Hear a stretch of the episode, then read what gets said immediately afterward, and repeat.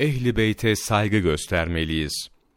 O büyük Resul sallallahu aleyhi ve sellem ve adil insan, sevgili kızını ve hanımlarını da toplayarak onlara, ben sizi Allahu Teala'nın azabından kurtarmaya yeterli değilim buyurarak, Hak Teala'nın tarafına olan tazim ve saygının ifadesi, Yüce Rabbin rıza ve meşiyeti olmadan hiç kimsenin diğer bir kimseye faydasının dokunamayacağını bildirmiştir. Ben sizinle hiç ilgilenmeyeceğim, sizler tamamen benden uzak ve bana yabancısınız demek asla istememiştir.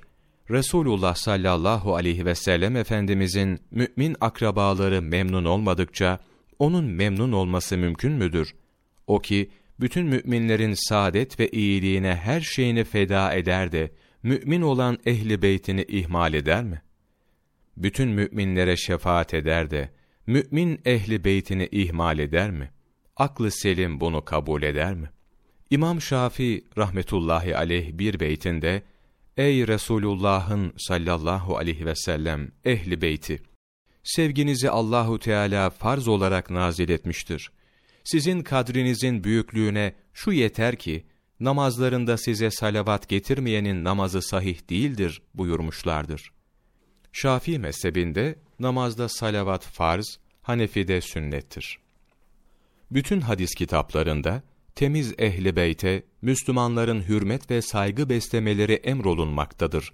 Yine hadis kitapları dininde ve itikadında doğru ve sağlam Müslümanları ehli beyte karşı saygıya davet eder.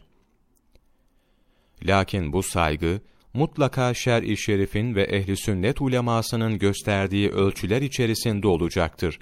Aksi takdirde ifrat ve tefrit mümini sapıklığa ve hüsrana götürür.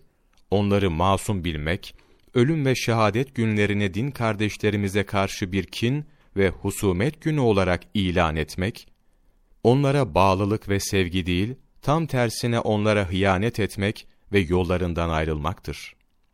Yaşayan seyitlere de saygı göstermek, Resulullah sallallahu aleyhi ve sellem Efendimiz'e minnet ve şükran duygularımızın gereğidir.